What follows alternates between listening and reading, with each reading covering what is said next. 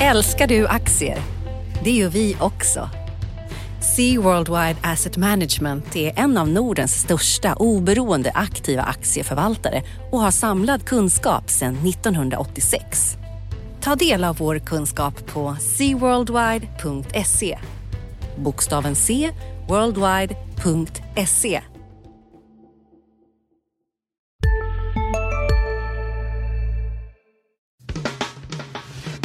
Analyspodden från Dagens Industri. Hej och välkommen till eh, DIs Analyspodden. Eh, bakom mickarna idag är eh, jag, Johan Wendel, reporter på DI och Johanna Jansson, makroanalytiker här på DI. Hej, välkomna. Och eh, vi har en hel del som vi ska gå igenom idag. Som vanligt, det är spännande. Vi börjar nosa på rapportsäsongen för fjärde kvartalet, eller hur? Det stämmer bra. Det stämmer bra och det har kommit en del vinstvarningar. Det ja. kommer vi prata lite om. Vi ska prata lite bubblor och eh, vi ska också blicka framåt till nästa vecka när vi kommer få lite vägvisningar om mer om vad som komma skall. Men ska vi börja lite med, eh, med de här vinstvarningarna Johan? Vad säger du? Har det varit ovanligt många? Det känns så. Ja, men det, det måste ha varit ovanligt många. Alltså nu, grejen är att det, jag tycker man inte kan säga att det är något än i alla fall, något så här marknads eller sektor, utan det är bolagsspecifika händelser. Just det, men... för, för det är, om vi bara ska säga det är Ja, men det är ett par. Det är Skanska, det är Billerud Korsnäs, det är Scandic Hotels. Eh, det är Onetten. Det är ganska olika, ja. olika branscher också. Ja. Och eh, i Finland har du då Metso också. Just det, Metso också. Sannolikt konkurrent där mm. som har vinstvarnat. Så att, ja, men det är, det, är lite, det är lite blandat där och, och eh, man kan ju börja med eh, Skanska där eh, och där var det ju då nedskrivningar i fjärde kvartalet med 1,1 miljarder kronor. De bytte ju, har ju bytt vd tidigare än de har tänkt så de har gjort en översyn av koncernledningen och strategi och rensat ut en hel del. Så att och är det så att man vill ta de här surdegarna, liksom, här, nu pratar vi fjärde kvartalet, de ska rapportera för fjärde ja, kvartalet. Ja exakt, så de kommer ställa ut en del surdegar nu i fjärde mm. kvartalet och, sen, och då kommer det vara nedskrivningar på 1,1 miljarder kronor och sen så har du 600 miljoner kronor här 2018 som kommer tigga där. Så att eh, ebit för 2017 då helåret var ju eh, drygt 1,3 miljarder lägre än vad analytikerna hade väntat. Och eh, sen så var ju grejen också att utdelningen var oförändrad och där hade man ju räknat med att den skulle höjas. Så det var ett litet sänke också.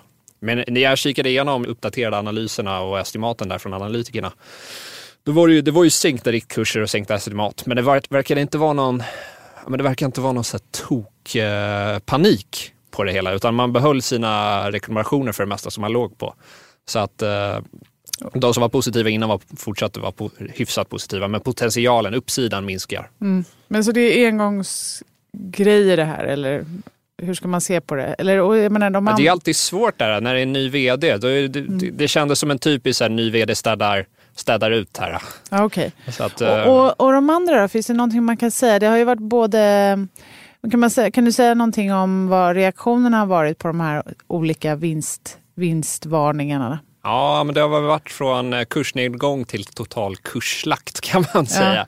Ja. Eh, Skanska gick ner 8 eh, procent, lite mer än så. Och om du kollar på NetEnt, där spelutvecklaren, de slaktades ju gick ner 23 procent. Mm. Och det där är ju typiskt exempel på Nettan då, som de kallas. Ja. Eh, typiskt exempel på ett eh, tillväxtbolag helt plötsligt får lägre tillväxt och då blir det, då blir det kännbart. Alltså. Då, eh, och de skyller ju på att de går ur så här oreglerade marknader, eh, Australien, Polen, eh, Tjeckien är det. Så att det ger då lägre tillväxt. Men eh, ja, när jag lyssnade på analytikerkonferensen där så lät det som att analytikerna var lite skeptiska till att det här kunde förklara hela lägre tillväxten. Men eh, vd höll inte riktigt med där. Så att, eh, vi, vi, får se. Baserat på kursreaktionen så finns det en hel del skepsis där ute.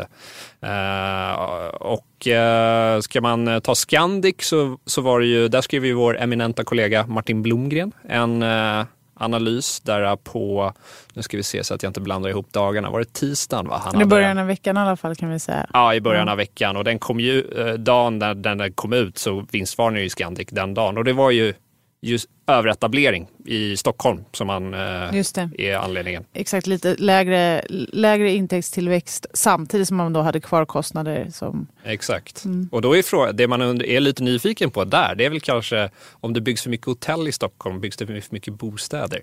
Just Eh, det. Inte om det går att göra någon koppling där. Men, men kombon. Ja, alltså, jag, tänk, jag, jag tänkte också på det. Att vad är det som gör att folk vill ha färre hotellnätter i Stockholm? För att det är klart att vi, vi sa här i inledningen till podden att vi skulle prata lite ja, bubblor och vändande marknader kanske. Och då så är det klart vi har fått också bostadspriser i veckan eh, för där vi ser en nedgång i Stockholmsregionen. Är det något sånt här som håller på att smitta av sig? Och det är inte bara i Stockholmsregionen utan faktiskt i hela Sverige.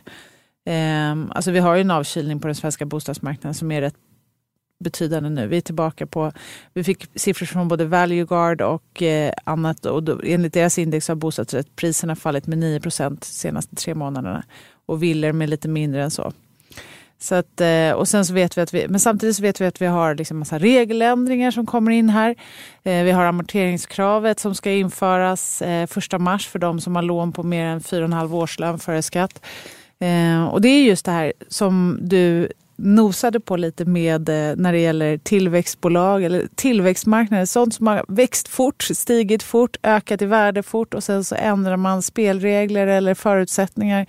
Ja, men då har man ju en ny typ av marknad och det här med amorteringskravet är ju inte det är ju verkligen någonting som kommer sätta käppar i hjulet, inte minst för förstagångsköpare. Så att, ja, det är klurigt. Men jag tänkte också på det när jag såg just Scandic, att jag var nyfiken, man ville veta mer om det. Ja, men, det, och, men en grej som är fruktansvärt frustrerande med bostadspriserna det är att det går ju så fruktansvärt långsamt den här utvecklingen. Alltså Ja, börsen, då vet ju glad för. Ja, men det, Ja. börsen, då rasar den så är Ja, den men jag, tror, 40 jag tror i och för sig att det, om vi ska nu prata bubblor och sånt annat. Jag tror inte att vi, jag tycker inte att det, det är inte rättvist att säga att vi har haft en bubbla. Jag, jag tror inte på att vi har någon bubbla på bostadsmarknaden. Sen kan vi ha högt uppdrivna priser av andra skäl. Eh, men eh, definitionen av en bubbla är väl att det går snabbt upp och snabbt ner. Vi, ehm, eh, och då tycker jag att man ska vara glad att det inte går snabbt ner på bostadsmarknaden, snabbare än så här. Därför att det påverkar så många och det kommer, det kommer få mycket större effekter på ekonomin om det går fort. Mm. Så att, eh, nej, men en annan, någonting annat som har gått upp som en sol och ner som en pannkaka, eller håller på och darrar i alla fall, är ju eh, bitcoin. Mm. Det Den pratade är- vi om sist vi var här, men vad säger du, har du någonting, vad tycker du nu när det skakar lite på bitcoinmarknaden? Är det, vilken, ja vad säger Ja, du? jag vet inte, när det skakar på bitcoinmarknaden är väl business as usual tänkte jag säga. Ja, Eh, alltså visst så kan man ju säga. Men det den, är, fall... det- ja, men den är lite knepig så här, för där sitter ju om man sitter där och, och spekulerar och när ska jag fånga den här kniven och så vidare. Jag tycker ju det är, det är jäkligt svårt att Men är det spekulera. så du tänker? Ändå, Nej, men man det- ska f- köpa bitcoin till Nej, ett bra nej men det är många som tänker så. Du Ja. vet, eh, man har stött på diverse personer som tänker så här, när ska jag liksom köpa bitcoin, när är botten nådd? Och det är knepigt i den eftersom det inte finns något, eh, någon underliggande tillgång som har ett värde. Ja, men eller hur? Och det kan man i och för sig säga så här. Det är otroligt knepigt att räkna på, eh, på allting som... Jag menar, det är inte så att bostadsmarknaden i Stockholm värderas ut efter liksom, plankorna i våningarna eller murbruket i väggarna. Så det är svårt att räkna på på det sättet. Det men de finns ändå där. de finns där, det är sant. Men det hänger ju ändå på vem som vill köpa det jag vill sälja om ett tag. Och då blir det förväntningar. Och därför är det, liksom, vad är det värt att bo i en storstad? Och vad är det värt? Det beror ju också på, vad- på en massa andra saker. Men visst, bitcoin tycker jag man ska se som en tillgång som guld eller någonting annat. Och då, det handlar om vem som vill köpa det här om, om eh, ett år, en månad eller när du nu vill sälja. Men jag tänker, alltså för mig är det, jag tycker det är ganska okontroversiellt att säga att bitcoin är en bubbla i alla fall. Alltså det, priserna har stigit, priset har stigit så otroligt fort.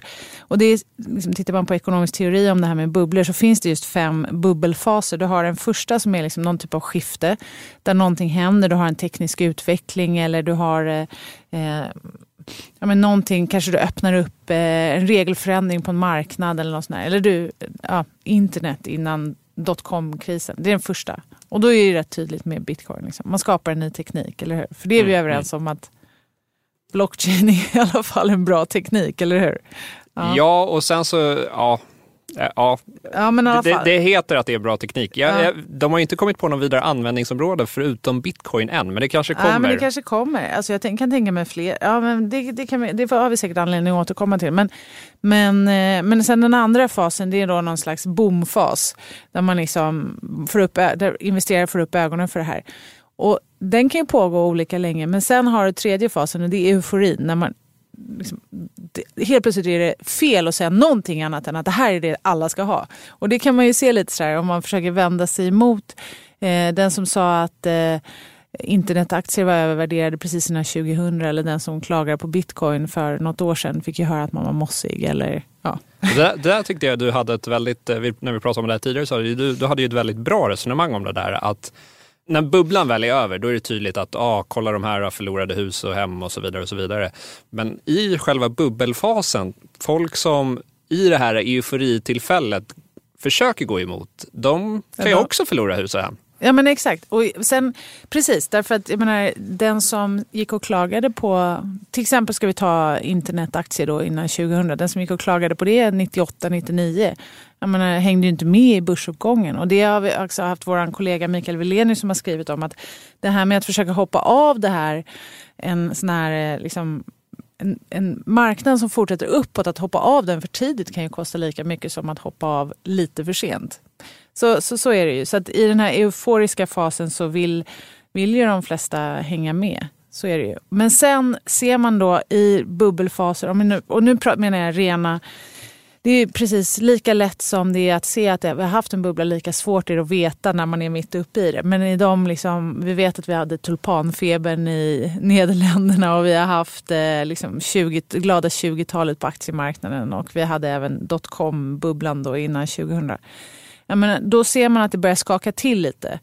Och liksom det blir lite finansiell oro ungefär. Det skulle kunna vara det vi ser med bitcoin nu, att man börjar fundera. Dels har bitcoin flyttat in i finrummet med liksom mer kontrollerad handel.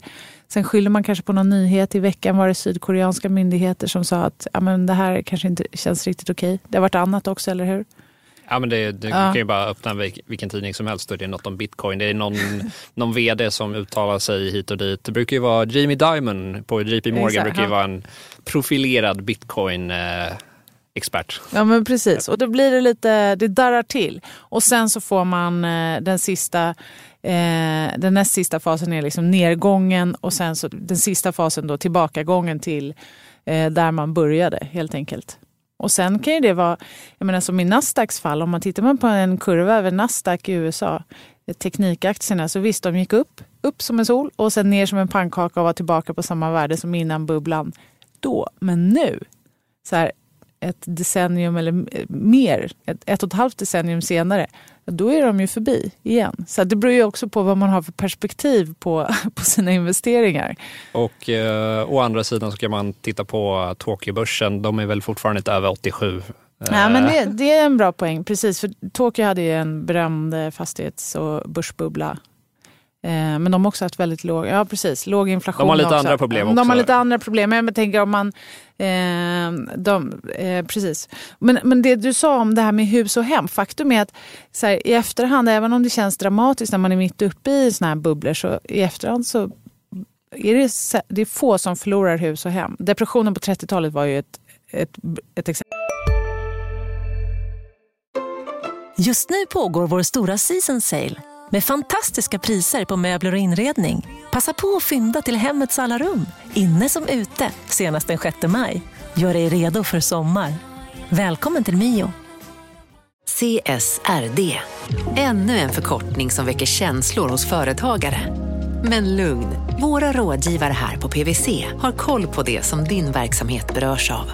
Från hållbarhetslösningar och nya regelverk till affärsutveckling och ansvarsfulla AI-strategier. Välkommen till PWC. på när det verkligen var så. Men, men det är många bubblor som det är säkert många bubblor som inte har brustit. De är svåra att veta. Det kanske också är så att vi har bubblor, jag menar till exempel tulpanbubblan då som vissa menar så här, men vadå, det finns ju fortfarande tulpanlökar som säljer för de priser som, som var på bubblans topp. Inte alla, och det är väl det. Det gäller att sålla agnarna från vetet helt enkelt. Ja, knepet är att göra det. Och ja. sälja i tid, eller sälja i tid annars. Ja, eller så här, är man, inte, är man inte spekulativt lagd ska man inte spekulera. Det är väl det. Kan man inte säga så? Alltså man ska inte hoppa på någonting om man inte har tillräckligt med pengar för att vara med i ett spekulationsrace. Eller? Ja, men det, ja, men det kan ju vara... Det finns du... inga snabba cash. Alltså är det så man ska se det? Eller vad säger du Johan? Vad tror du? Hur, risk, riskbenägen är du? Ja, det låter Kanske jag deprimerande att det Ja. inte finns några snabba cash här. Det, det är inte det vi ska förmedla till ungdomarna. Nej, men jag skojar bara. Eh, nej, det är klart att det inte finns några snabba cash, men jag tror ju att det finns de som har tjänat skjortan på eh, bitcoin och, och ska vi kolla på Stockholmsbörsen mer lokalt så har du ju Fingerprint som har ju skapat x antal miljardärer, men det har ju inte varit de här långliggarna eh, som har eh, varit eh, långa som en stång, utan det är ju traders som har legat och handlat den här aktien eh, dag ut och dag in och det har varit så sky, skyhög Ja, omsättning. men menar, de är ändå insatta i det, förhoppningsvis det de håller på med och är väldigt aktiva. Jag menar, om man, nu tänker jag mer att man ska hoppa på något tåg som oinsatt ja, småsparare. jo, jo, eller, ja. Sen, sen en poäng om det där är ju att alla är day traders nu för tiden. Det är som eh, liksom för några år sedan när alla var pokerproffs. Nu är alla day traders istället. Eh, så att eh, alla är ju inte insatta, men eh, det är en annan fråga. Ja, men det, men det kan vara bra att åtminstone veta vad man pysslar med. Men, men och, återigen tillbaka till bostadspriserna. Då. Det är ett skäl till att tro att det är få som spekulerar på den svenska bostadsmarknaden. De flesta köper för att bo och det gör ju att priserna blir mer trögrörliga, precis som du är inne på. Och då hade vi vår kollega Henrik Mittelman som eh, skriver i eh, tidningen här i slutet av veckan om just boprisfallet och eh, han räknar i alla fall med ett mellanmjölksscenario.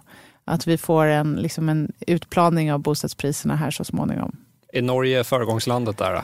Ja, det kan det nog vara. Vi har byggt väldigt mycket i i vissa städer i Sverige och där har det varit ett överutbud av bostäder. Och det kommer liksom som en ketchup-effekt efter sommaren. Så att det handlar mest om att utbudet har... Liksom, det har kommit ett väldigt stort utbud av nyproducerade lägenheter helt enkelt. Så att eh, den efterfrågedrivna prisuppgången den har liksom kommit av sig. Annat då? Vi sa att vi skulle nosa lite på, eh, mer på rapportsäsongen eh, inför fjärde kvartalet här. Och vad kommer du titta på framför allt när bolagen kommer med sina rapporter? Har du någon, någonting som du är extra nyfiken på? Ja, men det är väl vad de säger inför eh, 2018. Om de här värderingarna ska motiveras som många bolag har, då måste det ju se, se ganska bra ut. Alla pratar ju om att vi har en global ekonomisk eh, tillväxt och att eh, räntorna är låga och så vidare. Men det har ju kanske redan prisats in tycker jag. Så då, då är frågan liksom det här med de här som vinstvarnar. Kan vi konstatera i efterhand att det här var bolagsspecifikt eller kommer vi sitta i efterhand och säga att oj, det här var början. det här var en bubbla. Nej, jag. Så dramatiskt är det inte. Men, Nej. men det är värt att hålla ett öga på i alla fall. Någonting annat som har, det är inte, det är inte vinstvarningar direkt, men det är en del bolag som har tagit kostnader eh, när det gäller den här skatteförslagen som eh, har kommit, eller skattereformen som Donald Trump vill genomföra i USA. Eh, det finns några olika exempel. Ja, eh, det har ju varit några stora rapporter från USA där alltså vi, och några som har kört det här på, varit ute och varnat om det här på förhand. Men ett exempel var ju Bank of America som eh, tog en skattesmäll på, nu ska vi se, 2,9 miljarder tror jag det var. Ja, det är Eh, inte och- småpotatis. Nej, det är inte småpotatis, men det inte, påverkar inte kassaflödet utan vad de gör är, det mesta av delen handlar om att eh, de gjorde ju förluster under krisen. Så att eh, nu när de går med vinst så minskar det här eh, hypotetiska värdet på vad man kan kvitta mot eh, vinsterna. Så det, då måste man skriva ner det i balansräkningen. Då. Och även Svenska Ericsson tog en, eh, tog en skattekostnad för Exakt, det är mycket så här. Och, och där är frågan, där skriver ju till exempel Bank of America skriver ju sin earnings report där att mycket av det de skriver och säger om skattereformen kanske de måste revidera och ändra alltså under året. Och det är ju tecken på att alltså, man vet inte riktigt vad... Det är inte färdigt än. Nej. Nej. Nej, och det, det är liksom det här, alltså man tänker sig att USA är ett land med över 300 miljoner invånare. De genomförde en skattereform, deras kongress, på alltså, ja, några veckor kändes det som. Eh, Republikanerna hade väl i och för sig laddat för det här länge. Sen blev det inte riktigt, de fick hålla på och vaska det lite fram och tillbaka. Men, men visst, det Och- då, och bara man tänker så, vi, vi snackade Mm. innan att eh, alltså skatter, skattesatsen sänks ju nu från 35 till 21 procent. Men den effektiva skattesatsen för S&P 500-bolagen är ju redan nu mycket lägre än så. Mm, Eh, därför de kan använda sig av massa olika Ja, exakt, exakt. avdrag. Och, mm. Och där, har vi ju, där känns det som att man inte har någon aning om hur, vad kommer de kunna dra av exakt de olika bolagen i de olika sektorerna och så vidare. Och det är det de kommer nu eh, reda ut här under eh, 2018. Så det kommer vara bra, bra tider för revisorer och jurister, eh, som alltid. Ja.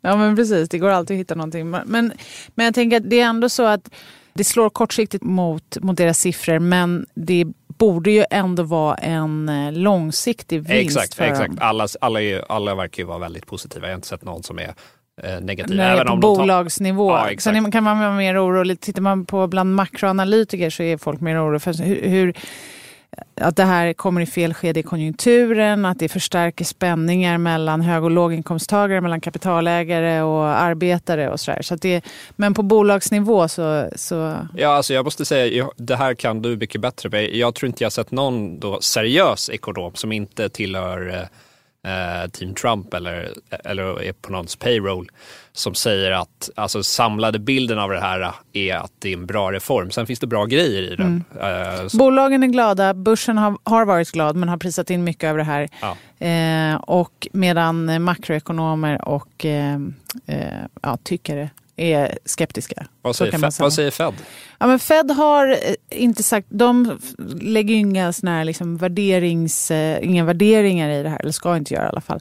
Men de har eh, skrivit upp sina tillväxtprognoser ehm, och, ehm, eh, förmodligen beror en del på, på den här skattereformen, att man tänker sig att det blir liksom en extra skjuts till BNP. Men det finns Samtidigt så ska man ju tänka att är, ska det vara en oberoende centralbank om man drar på med konjunkturstimulans sent i konjunkturcykeln, men då ska ju de höja räntorna mer. Och det, det är väl det som också blir, eh, som jag tänker mycket på kring det här, kring 2018, som ändå ska bli ett år där temat känns som att räntor, högre räntor kryper närmre. Det behöver inte vara någon dramatik i det, men men Fed har redan börjat höja räntan. Trump ska finansiera förmodligen ett budgetunderskott. Han behöver låna upp på marknaden. Det betyder högre långräntor. Så att det blir också en, en grej att hålla ögonen på. Och där undrar jag, liksom, eh, för dels där att du säger att han ska finansiera underskottet. Alla de här som, det är ju jättemånga företag som har gått ut med att de eh, anställda får ofta har det varit 1000 dollar i bonus eh, och sådär. Påverkar det, har det någon sorts effekt, märkbar effekt på inflationen hittills? Alltså kan man se att det, det, det ska liksom, det ska ha, no, inte hittills, men ska det ha i framtiden någon sorts påverkan? Det, Det, här med att de ska anställa menar du? Att Nej, de letar det, är många, folk och... det är många som delar ut eh, Mm. 1000 dollars bonus till alla anställda om man uppfyller en del krav. Men det ska ju vara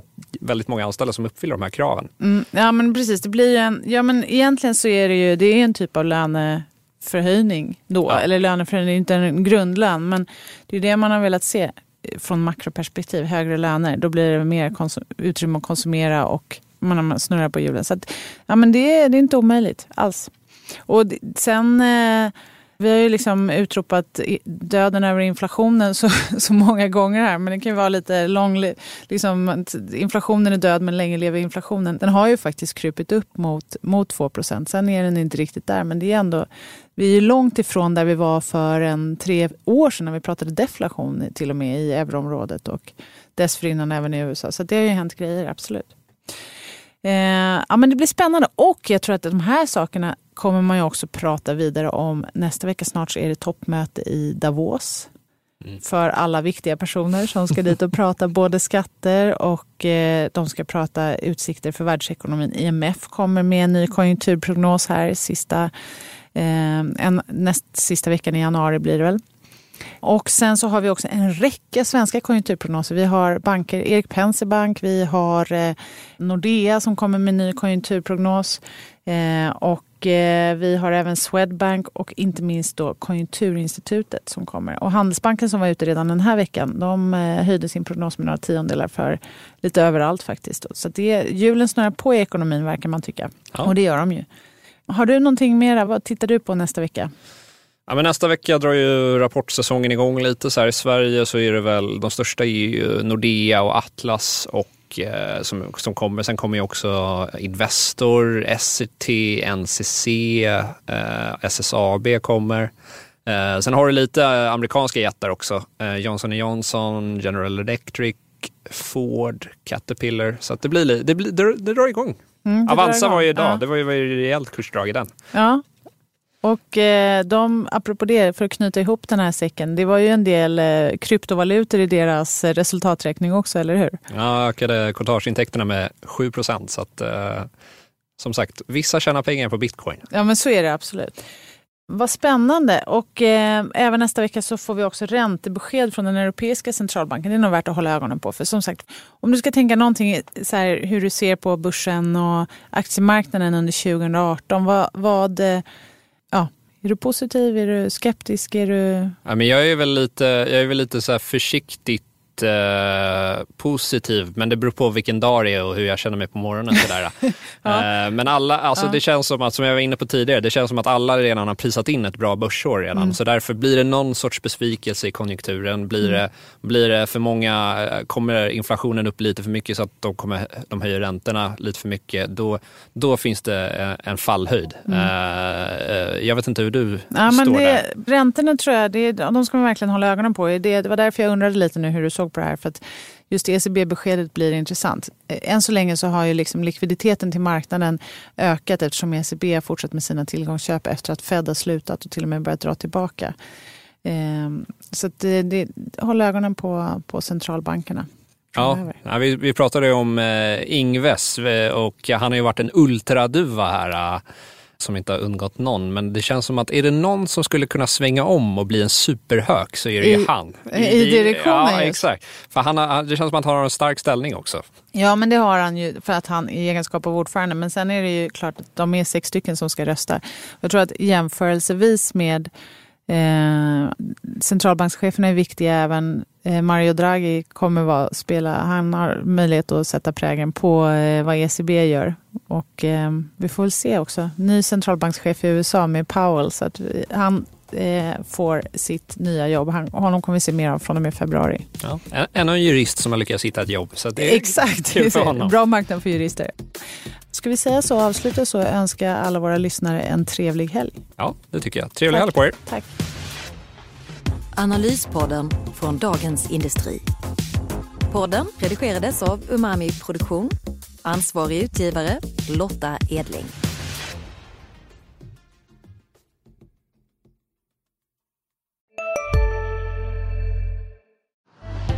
Älskar du aktier? Det gör vi också. Sea Worldwide Asset Management är en av Nordens största oberoende aktiva aktieförvaltare och har samlad kunskap sedan 1986. Ta del av vår kunskap på seaworldwide.se. Bokstaven C, worldwide.se